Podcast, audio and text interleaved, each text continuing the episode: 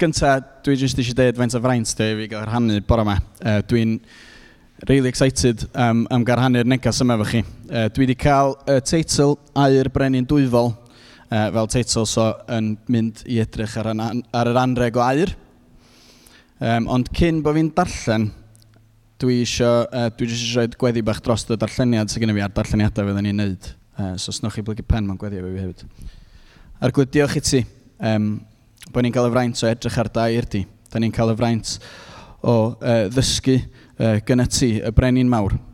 Dwi'n gofyn rwan wrth bod ni'n darllen dy air di, byddwn ni'n uh, agor yn colonna ni fyny, bod yr ysbryd glân yn llenwi ni uh, fo beth ti eisiau i ddeitha ni. Uh, just bendithio fi wrth bod fi'n rhannu hefyd. Uh, mae, mae dy air di sy'n dod allan ohono fi, nid beth sy'n gynnu fi fel person i rannu, ond beth sy'n gynnu chdi fel dew i rannu drwyddo fi. Yn gwyddi hyn yn enw dy fab sy'n Grist. Amen. Reit, y darlleniad cyntaf gyda fi ydy Matthew 2, adnod 11. Uh, siwr yn ddiffodd ar y sgrin mewn eiliad. Um, so os da chi eisiau troi iddo fo, so Matthew 2, 11.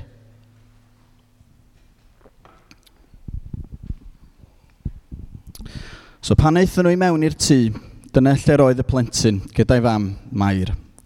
A dyma nhw'n disgyn ar ei gliniau i flaen a'i addoli. Yna dyma nhw'n agor eu paciau a rhoi anrhegion gwerthfawr iddo. Air, thys a myr. So dwi'n siŵr ydych chi'n gyfarwydd efo'r hanes uh, genir Iesu a'r uh, doethion yn dod a anrhegion i'r Iesu, uh, i'r brenin oedden nhw'n credu ar y pryd. Nath nhw deithio'n bell iawn i weld y brenin newydd yma yn, yn, yn dod i'r byd lly. Ac dod o anrhegion gwerthfawr mae'n deud yn y darn. Ac air, thys a myr ydy'r anrhegion yna.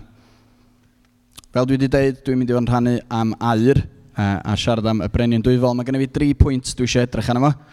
Um, ac o'n i'n meddwl y ffordd gorau neu hyn oedd edrych ar beth sy'n neud air yn anreg da, beth sy'n neud air yn anreg ddim o'r dda, ac wedyn ydy'r anreg uh, nath yr Iesu dderbyn yn ddigon da, neu y brenin dwyfol yma yn ddigon da uh, o'i gymharu efo beth da ni'n ei gael.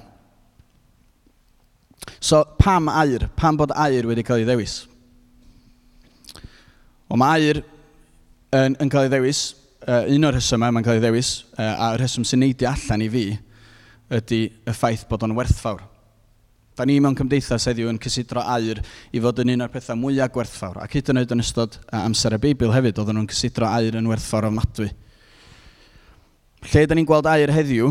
Um, Wel, mewn chwaraeon, da ni'n gweld air yn cael ei ddefnyddio yn yr Olympics i, i ddeud y gorau o'r gorau yn eu camp. So, pwy ydy'r gorau o fewn rhedeg? Pwy, pwy ydy'r gorau yn neidio? Um, maen nhw'n ennill y fedal air os ydyn nhw yn llwyddo. Da ni'n mesur llwyddiant drwy uh, air hefyd.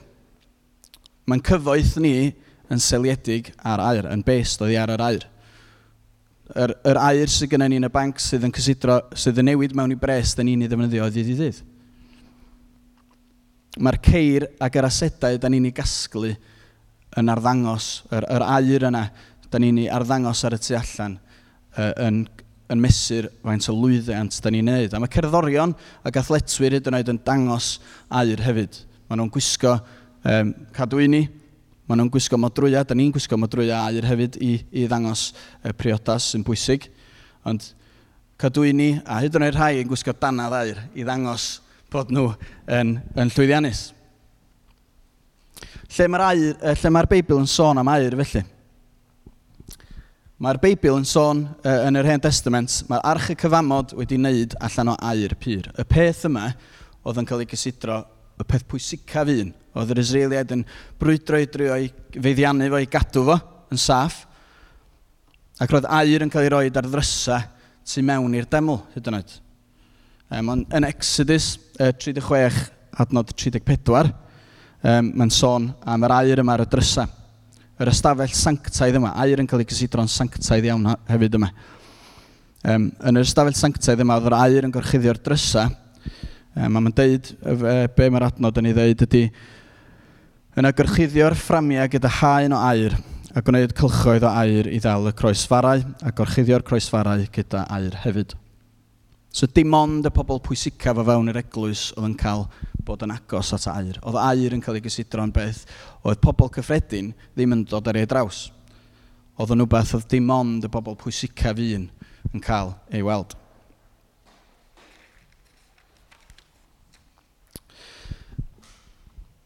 Air hefyd yn cael ei gysidro'n beth pur iawn, yn beth, yn beth um, holl, uh, hollol barod fel ag y mae o.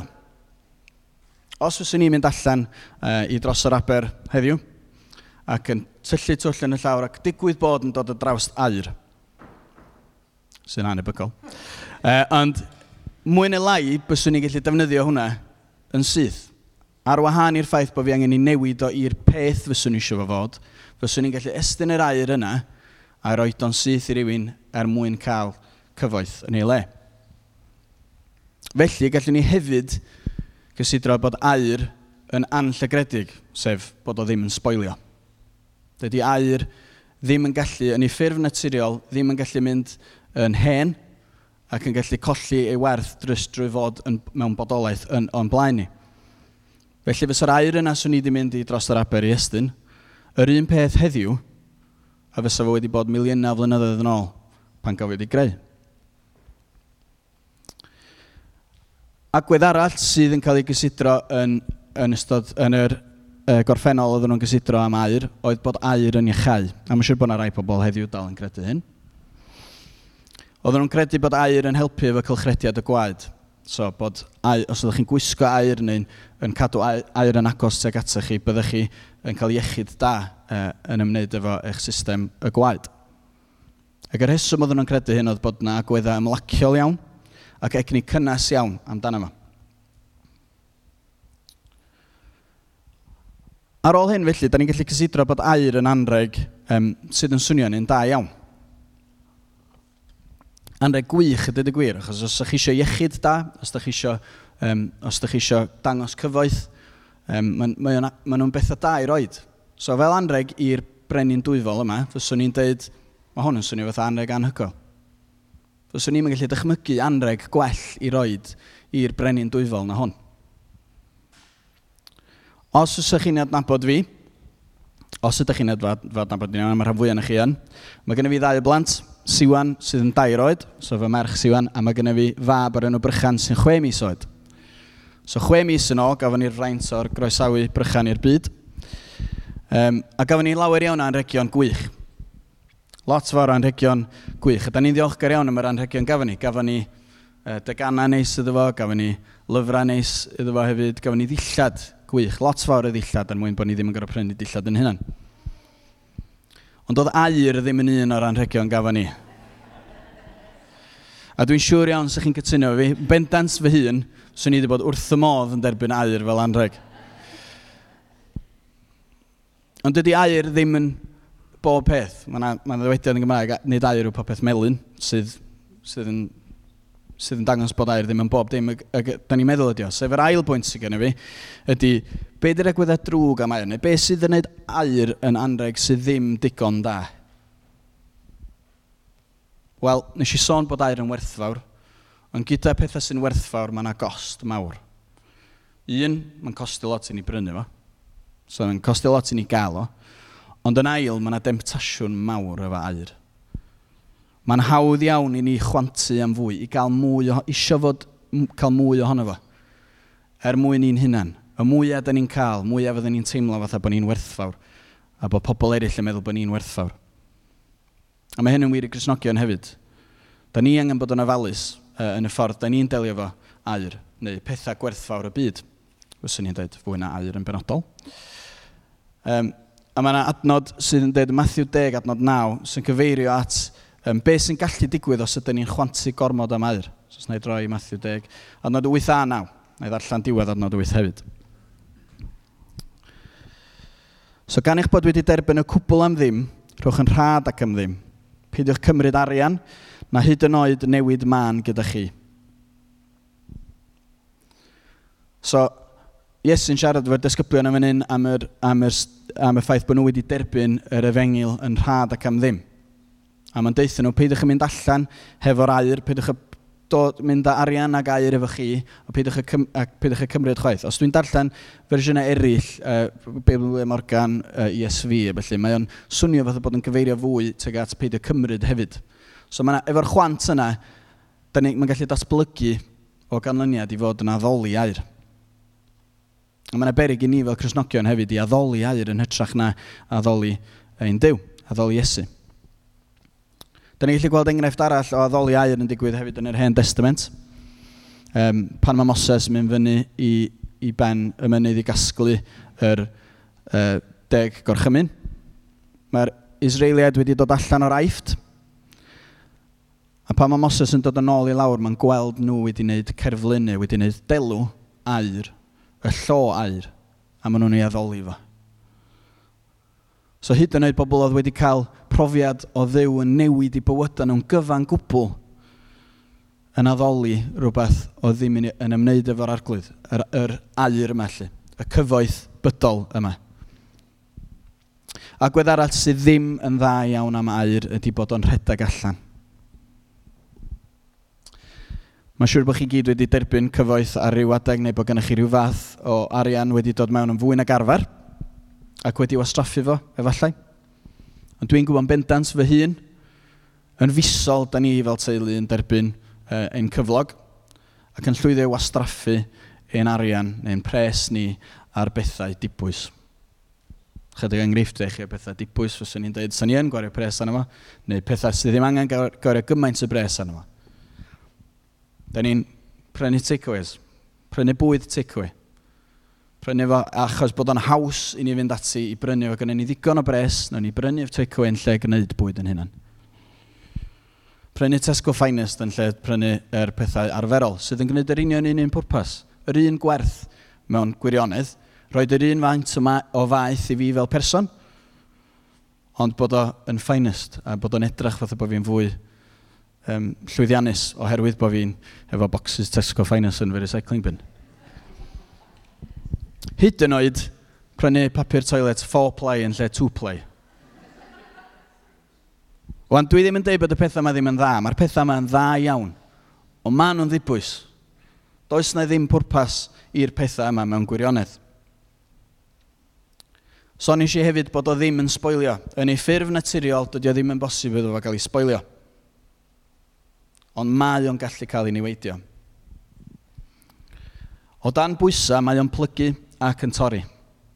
Os fyswn ni'n uh, meddwl am rywun sydd wedi priodi'n ddiweddar, ac yn cymryd i modrwy air nhw, ac yn sefyll ar ei modrwy air nhw, mae yna jans, o efo sicrwydd fyswn ni'n dweud, fyswn ni'n unau'n torri'r fodrwy, neu bys yna o leia marc a scratch a niwed wedi cael ei wneud i'r fodrwy yna. Ac felly mae'r pethau yma'n colli gwerth hefyd oherwydd hynna. Iawn? Gallwn ni hyd yn oed ei golli fo. Yn syml, mae'n bosib hyd yn oed bod efo'r cyfoeth i gyd a bod wbeth yn mynd o'i le a dyn ni'n colli yr air sydd ganddo ni. Un adnod sydd yn cwmpasu'r holl y, y bethau yma sydd ddim ddibwys am air neu'n sydd yn gwneud air yn anreg gwael ydy Iaco 5 adnod 3. A mae hwn yn dweud, mae'ch air a'ch arian chi'n rhydu a bydd yn dystiolaeth yn eich erbyn chi. Cewch eich difa gan dan am gasglu cyfoeth i chi eich hunan mewn byd sy'n dod i ben. So, er bod o'n deud yn fanna bod air yn rhydu, air ag arian yn rhydu, nid bod yr, yr peth i hun yn rhydu o ran yr sboilio, ond mae o'n dod i ben. Mae'r mae air yna yn, yn colli ei werth yn rhydu yn yr ystyr bod yn colli werth, ac mae o'n bosib i ni wneud o yn rhywbeth da ni'n ei addoli. Os da ni'n mynd o gwmpas ac yn casglu'r air mae gyd, di o e ddim yn mynd i oedd yn bwrp, dos yn pwrpas iddo, mae'n ddibwys. Mae gyd yn dod i ben. Mae rhaid chwilio am rhywbeth sydd yn fwy gwerthfawr na gair. Y trydydd pwynt sydd gen i mi felly ydy um, Beth felly ydy gwerth i'r anreg a roddwyd i'r Iesu? Ydy'r anreg yma yn ddigon da? Yn syml? Na. Mae'r doethion yn dod â tri anreg o be da ni wedi ddarllen, o be da ni'n ddarllen yr adnod yna yn Matthew 2, 11. Maen nhw'n dod â tri anreg, ac un yn nhw, di air. Dim ond un anreg ydi air. Y peth mwyaf gwerthfawr oedd ar gael ar y pryd, er mwyn dangos cyfoeth, Ac un o'r anrhegion ddeithon nhw o ddair. So oedd y doethion yn deall bod angen dod o leia tri peth gwahanol sydd yn werthfawr. Nid yn unig hynna, ond mae teimlad ganddynt bod rhaid plygu o'i flaen. Os dwi'n mynd nôl i'r adnod nath i ni ddarllen ar y dechrau, Matthew 2, 11.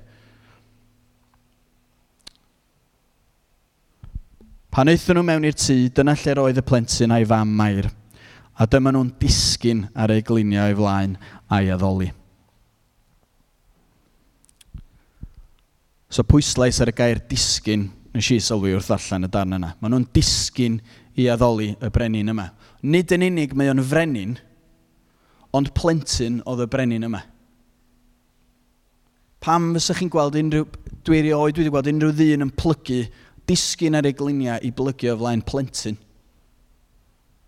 Be mae plentyn, dim hun na fy merch i siwan, tair oed, yn ei, wedi wneud i heiddi y fath anregion a'r fath um, ymateb i weld o. So, yn, yn, debyg iawn i, yn, yn debyg iawn i fi adra, yn aml, mae Siwan wrth i bodd yn ateb drws i bobl sy'n dod i'n tu ni. So, wrth ddarllen y dan yna, dwi'n gallu deall yn iawn, fel plentyn, mae'r plentyn eisiau mynd i'r drws ac ateb y drws. Ond be fysa fy mateb i os fyswn i'n agor y drws hefo siwan yn y drws ffrant a sy'n ddieithriaid yna a sy'n nhw i gyd ar ei gliniau o'i blaen hi. O, dwi'n yn gwybod amdano chi, a dwi'n reit siwr sure, chi un peth o fi. Bysach chi mewn sioc anferthol o weld pobl dieithr, a mae'n siwr sa'ch chi'n cymryd y plentyn i mewn a cael y drws. Yn debygol iawn. Felly, be, be mae'r plentyn yma wedi wneud i heiddi hyn? Wel, bendant, da ni'n gwybod bod i'r doethion ddim yn credu bod air yn ddigon da. A sylwodd, bod y, doeth, sylwodd y doethion bod y plentyn yma yn rhoi mwy iddyn nhw na'r anrhegion a'r rhoddion oedd ganddyn nhw. Pam felly? Wel, dwi'n mynd i ddeitha chi mae'r baban yma yn cyflawni popeth mae air yn ei gyflawni a mwy. A dwi'n mynd i gymharu'r ddau. Felly, y baban yma Iesu. Mae Iesu wedi byw bywyd pyrach na gair. Dio heb ddisgyn yn fyr o ddim o ddisgwyliadau Dyw y Tad. Mae disgwyliadau Dyw y Tad ydy bod ni angen bod yn berffaith. Nath Iesu fyw bywyd perffaith. Mae Iesu yn sanctaidd. Wan, os na bych chi'n gyfarwydd efo ystyr y gair sanctaidd, mae'n golygu bod o'n heiddi ein defosiwn ein addoliad ni i gyd gan bod o'n berffaith mewn moesoldeb, ethically, a mewn da. So mae'n berffaith yn ôl golwg dew y tad, ac mae'n heiddi ein addoliad, yn defosiwn ni i gyd, oherwydd bod o'n berffaith yn hyn i gyd. Fel air hefyd, yn ôl be oedd bobl yn gredu, mae Iesu yn iachau. Ond dim jyst yn iachau yn cylchrediad y gwaed, fatha mae'r air yn gwneud, ond mae'n iachau pob pechod ac yn engolchi ni yn lan o'r pechodau yna i gyd. A pan dwi'n deud yn lan, dim fatha mae draio ni'n neud, a mae'n gadael pa achos, neu yn peintiau'n golchi llestri, er, golchi llestri yn gwneud ac yn gadael chdi bach o fwyd ar ôl ond golchi ni'n hollol lan, yn byr lan, yn byrach na gair.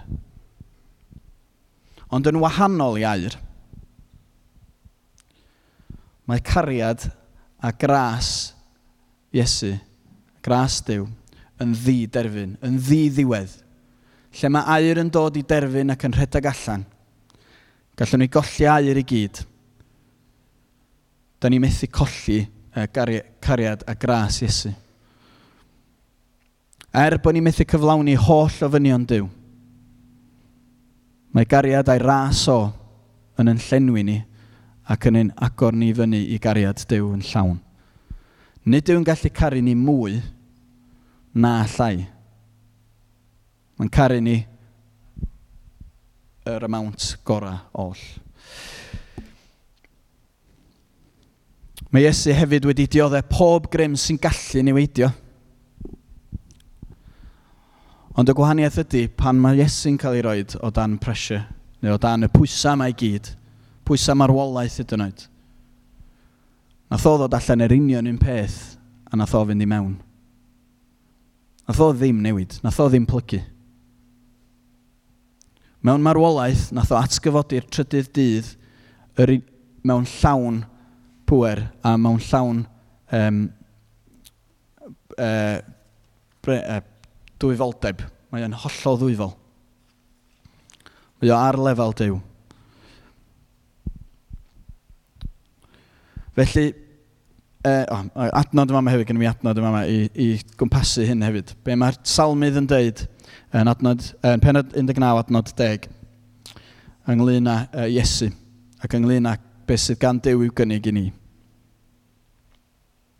Mae'r pethau yma'n fwy gwerthfawr na gair. Ia, llwyddi, llwythi o air coeth, mae nhw'n felysach na mel sy'n diferu o'r diliau. So mae'r pethau yma mae Iesu'n cynnig i ni. Mae'n o werthfawr ydy ein Iesu ni, yn fwy na be gall air, hyd yn oed miliynau o air ei gynnig i ni. Be da ni'n gallu gwneud i dderbyn ei rodd o felly? Os da ni eisiau derbyn yr anreg yma da ni wedi derbyn yn Iesu, ydyn ni'n gallu talu fan ôl? Os gynnu ni rhywbeth, da ni'n gallu roi i Iesu sy'n mynd i fod yn yr un gwerth a be mae o di roi i ni. O allwn ni wneud, neu'r camau sydd angen i ni wneud, ydy sylweddoli, does dim unrhyw beth bydol, dim byd ar y ddeiar i gyd, sy'n fwy gwerthfawr na Iesu, sy'n fwy gwerthfawr na'r rhodd yma gafon ni ym Methlehem. Wedyn dylen ni ail ystyried, ydyn ni wedi ymateb i'r rhodd yma. Fel y doethion wedi teithio'r pellteroedd mwyau un, y pellteroedd o'r dwyrain pell, er mwyn dod i weld os oedd y broffwydoliaeth yn wir. Bod yr un oedd am arwain Israel allan o, o'i trafferthion yn dod, yr un oedd yn mynd i arwain y genedl yma. Ydyn ni wedi ail ystyried bod ni wedi ymateb i hyn? Ydyn ni wedi ymateb i'r rhodd yma? os da ni wedi, neu os da chi heb eto, da chi am wneud, be di'r cam nesaf? Wel, oedden nhw wedi dod o anrhegion i'r Iesu. Oedd, oedd y doethion wedi dod o anrhegion. So, oedden nhw'n nhw prepared. Oedden nhw wedi paratoi, doedd, ar gyfer gweld brenin dwyfol. Ond hyd yn oed wedyn, maen nhw'n disgyn ar ei gliniau. So, da ni angen dilyn esiampl y doethion a gollwn popeth sydd ganddo ni o'r byd i blygu mewn addoliad i'r brenin dwyfol yma. Plygu mewn addoliad i'r un sydd wedi'n rhyddhau ni. Um, dwi wedi dewis emyn i orffen. Um, so'r emyn dwi wedi dewis ydy calon lan. Um, a fyddwn ni'n canu fo mewn munud. Ac o'n i'n teimlo fatha mae hwn yn emyn cyfarwydd iawn i bobl yng Nghymru. Hyd yn oed os ydych chi ddim wedi bod mewn capel o'r blaen, mae'n cyfarwydd iawn oherwydd mae'r tîm Rygbi Cymru yn dweud, neu mae e, cefnogwyr y tîm Rygbi Cymru yn canu calon lan yn gyson. Ond os da ni'n edrych ar geiriau cyntaf yr emyn yna, nid dwi'n gofyn bywyd moethus, aur y byd na'i berlau man, ond gofyn wyf am galon hapus, calon onest, calon lan. Ydyn ni wedi ystyried mai dyna da ni isio. Bod y pethau'r byd yma ddim yn ddigon o'i gymharu fo beth ni'n cael ei gynnig yn Iesu. Bod ni'n cael calon byr, y calon lan, calon onest fel yr Iesu. I orffen felly, gadewch i ni weddio i orffen ac wedyn gyff y band ddod i fyny i, i arwain i yn calon lan. Arglwydd, diolch i ti am yr hodd yma yr anreg yma da ni wedi ei dderbyn gan ti. Diolch i ti, er mor werthfawr ydy air ar glydd bod be ti wedi rhoi i ni llawer mwy gwerthfawr. Bod chdi wedi cynnig dy fab dy hun uh, i ddod ei lawr i'n helpu ni yma ar y ddeiar arglwydd. I'n iachau ni, i'n puro ni, i'n golchi ni o'n pechoda arglwydd. am bod o llawer mwy gwerthfawr na popeth sydd ganddyn ni yma ar y ddeiar. Helpa ni i gofio hyn, ac wrth bod ni'n gadael heddiw, bod ni ddim yn anghofio yr anreg yma ti wedi roi i ni. Yn enw'n fab i si Gris, dwi'n gwyddio hyn i gyd. Amen.